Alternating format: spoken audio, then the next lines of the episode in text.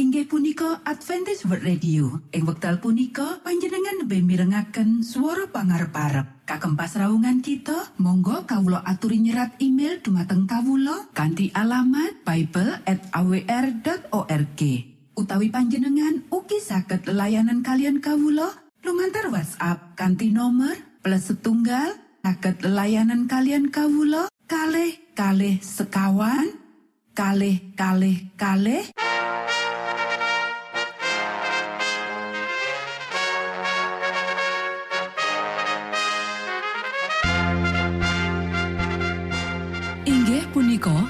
Adventist World Radio ingkang giaran kanti basa Jawi. Tentrem Rahayu kula aturaken kagem para mitra kinasih ing pundi papan lan panggonan. Sugeng pepanggian malih kalian Adventist World Radio. Kanti bingahing manah Kulo badi sesarengan kalian poro mitra kinasi. Lumantar saperangan adicara ingkang sampun rinonci. Mligi kagem panjenengan sami. Mugi giaran punika saged migunani tuen dados berkah kagem kita sedoyo. Sugeng midhangetaken Gusti amberkahi.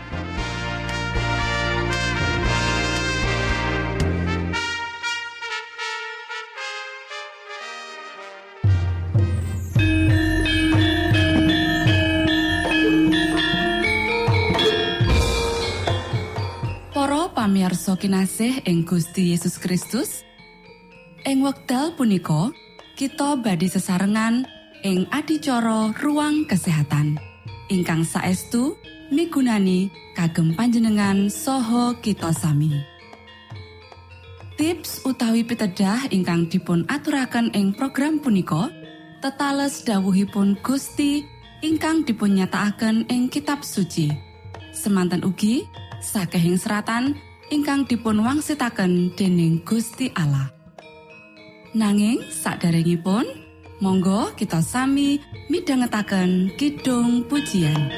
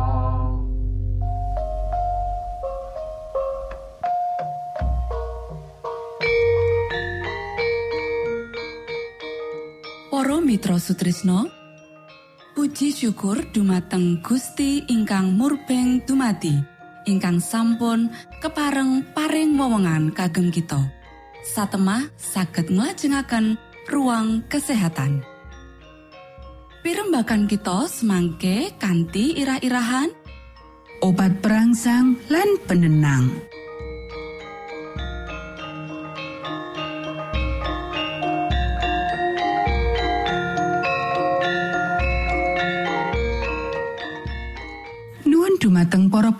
Pamiarsa ingkang dahat kinormatan sugeng pepanggian malih kalian kulo Isti Kurnaidi ing adicara ruang kesehatan. Ing dinten punika kanthi irah-irahan obat perangsang lan penenang. Para sedherek ingkang kinasih ing sangisore judul obat perangsang lan penenang iki kagolong sejumlah gede bahan sing menawa digunakake dadi panganan lan omben-omben sing bakal ngrusak lambung, ngeracuni getih lan ngerangsang syaraf. Panggunaane bener-bener jahat. Wong-wong golek kesenengan sakjroning obat perangsang amarga kanggo sawetara asile apik. Nanging tansah ana reaksi. Penggunaane obat perangsang sing ora alami tansah condong nimbulake ekses yaiku mujudake sawijining bahan aktif sakjroning nyurung kerusakan lan keleburan awak. Kang kapisan kita bakal nyinau bumbu masak.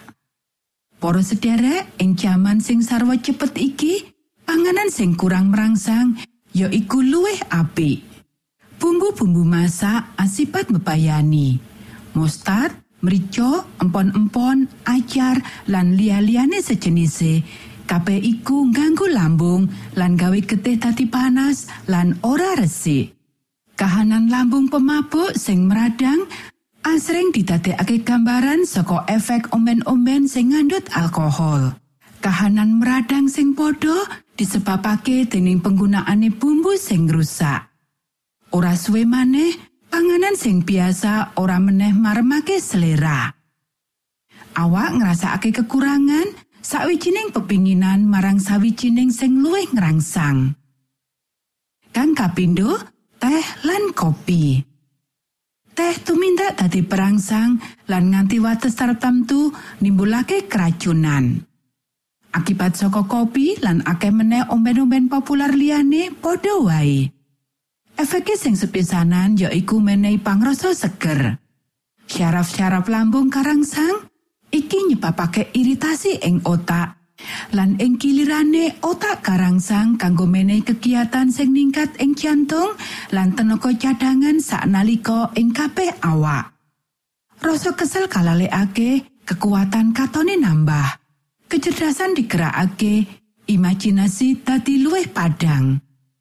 Amarga pengaruh-pengaruh iki, akeh sing ngira menawa teh lan kopi iku sing ngasilake kabecikan sing gedhe kanggo dheweke. Nanging iki sawijining kekeliruan. Teh lan kopi ora menehi sat panganan ing awak. Pengaruhe wis ana sadurunge sempat dumati pancernaan lan penyerapan. Lan opo sing katone kaya kekuatan, sak benere mung rangsangan syaraf.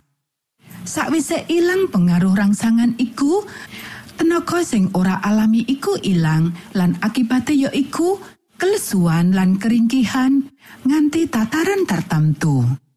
Penggunaan terus-terusan saka bahan-bahan perangsang syaraf iki diiloni karo mumet, ora bisa turu, jantung deg-degan, gangguan pencernaan, gemeter, lan akeh kangilan liyane. Amarga bahan iku ngentekake toyo urip. Syaraf sing letih merlokake ngaso lan ketenangan, gantine rangsangan lan kerja lembur. Alam merlokake wektu kanggo mulihake tenagane sing kekuras. Menawa tenagane iku dipeksa kanthi nggunakake bahan-bahan perangsang, kanggo sawetara keluwihan tenaga iku dientokake. Nanging merga awak wis ringkeh akibat terus dinggo, mula suwe-suwe saya angel kanggo mbangkitake tenaga ing wates sing diperlokake. Tuntutan marang bahan perangsang dadi saya angel dikendaleni nganti kekarepan diringkehake lan ora bisa meneh nolak pepinginan sing ora wajar iku. Saya kuat bahan-bahan perangsang iku dituntut nganti awak sing wis letih ora bisa meneh nanggapi. Matur nuwun, Gusti amberkahi.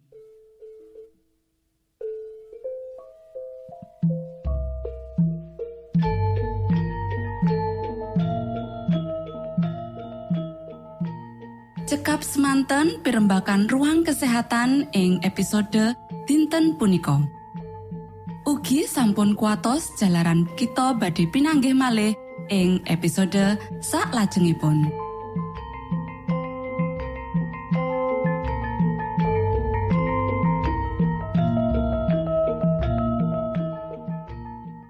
Inggih punika adicara ruang kesehatan. Menawi panjenengan gadah pitakenan utawi ngersakaken katrangan ingkang langkung, monggo kulo aturi. Kinton email dateng alamat ejcawr at gmail.com utawi lumantar WhatsApp kanti nomor 025 pitu 00 songo songo papat 00 pitu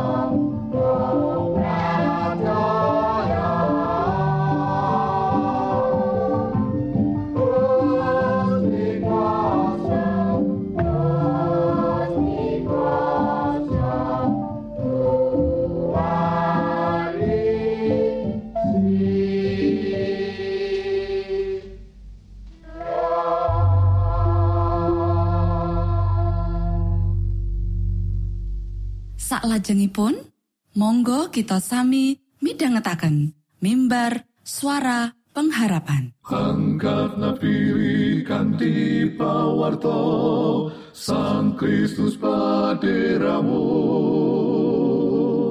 Pro umat samyo puji asmanyo Sang Kristus paderamu. Inggih punika mimbar suara pengharapan ing episode punika kanthi irah-irahan pindah saka zona nyaman. Sugeng minangka tondo Sang Kristus paderamu ilmu kawero tambah tambah Sang Kristus paderamu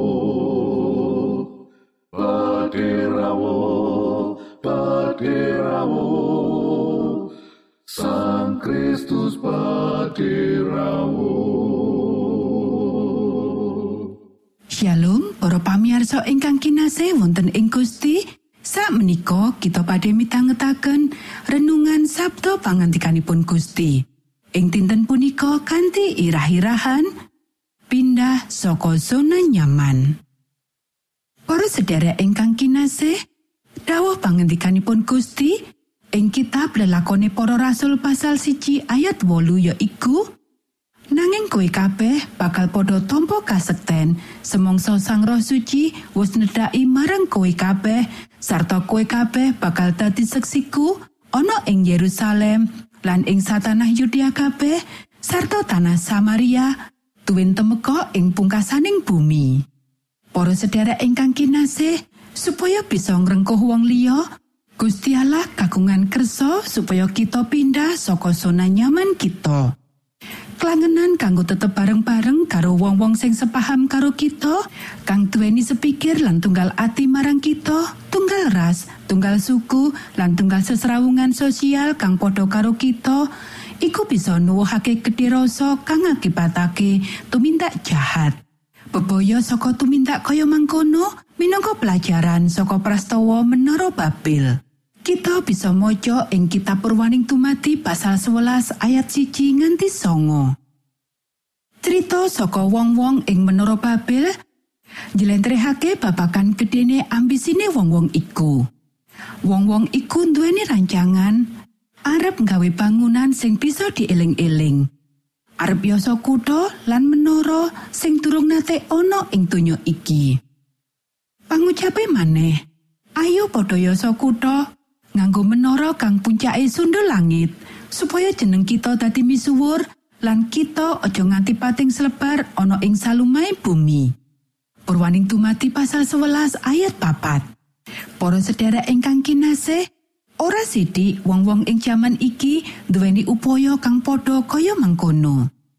Ora peduli profesine kuwi jalur saka politik, seni, bisnis, malah saka jalur agama. Ana ing antarane wong-wong kuwi duweni pepinginan supaya jenenge dadi misuwur kanggo awake dhewe. Pungkasane, jebul kabeh iku tanpa guna lan ateges mburu angin. Kohelet pasal siji ayat 11.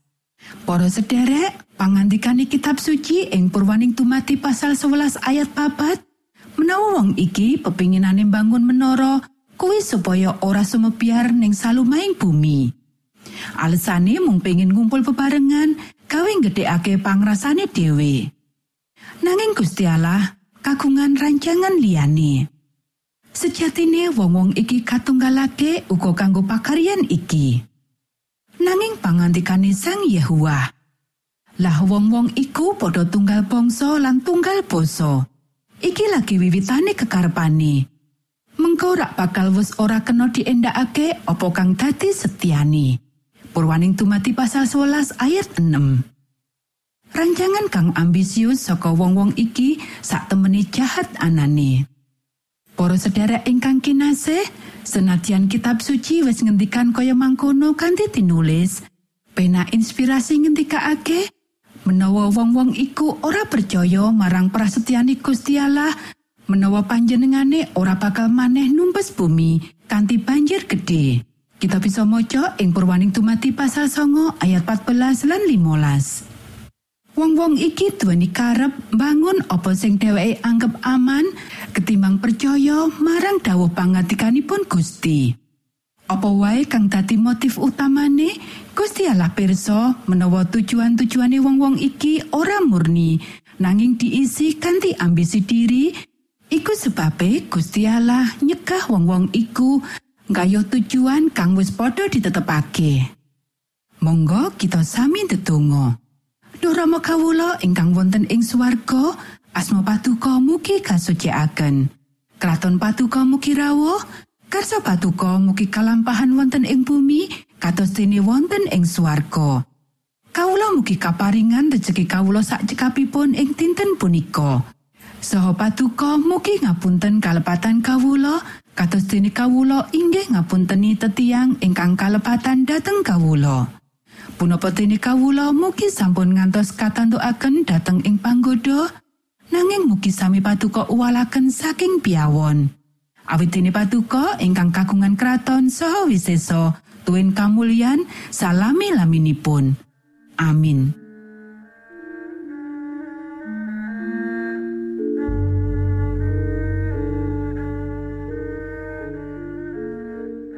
Para Mitra Sutrisno pamiarsa kinasih ing Gusti Yesus Kristus sampun paripurno pasamuan kita ing dinten punika menawi panjenengan gadah pitakenan utawi ngersaakan seri pelajaran Alkitab suara nubuatan Monggo Kulo aturi kinton email dateng alamat ejcawr gmail.com utawi lumantar WhatsApp kanti nomor 025 pitu 00 songo songo papat 00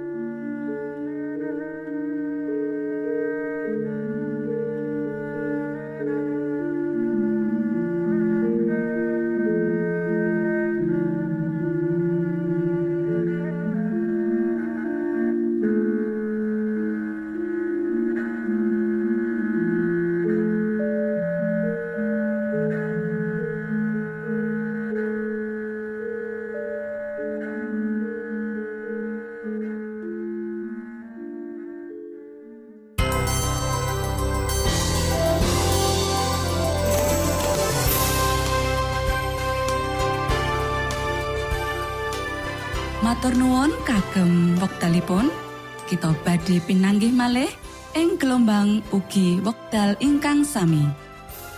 Saking studio kula ngaturaken tentrem rahayu. Gusti amberkahi kita sedaya. Maranata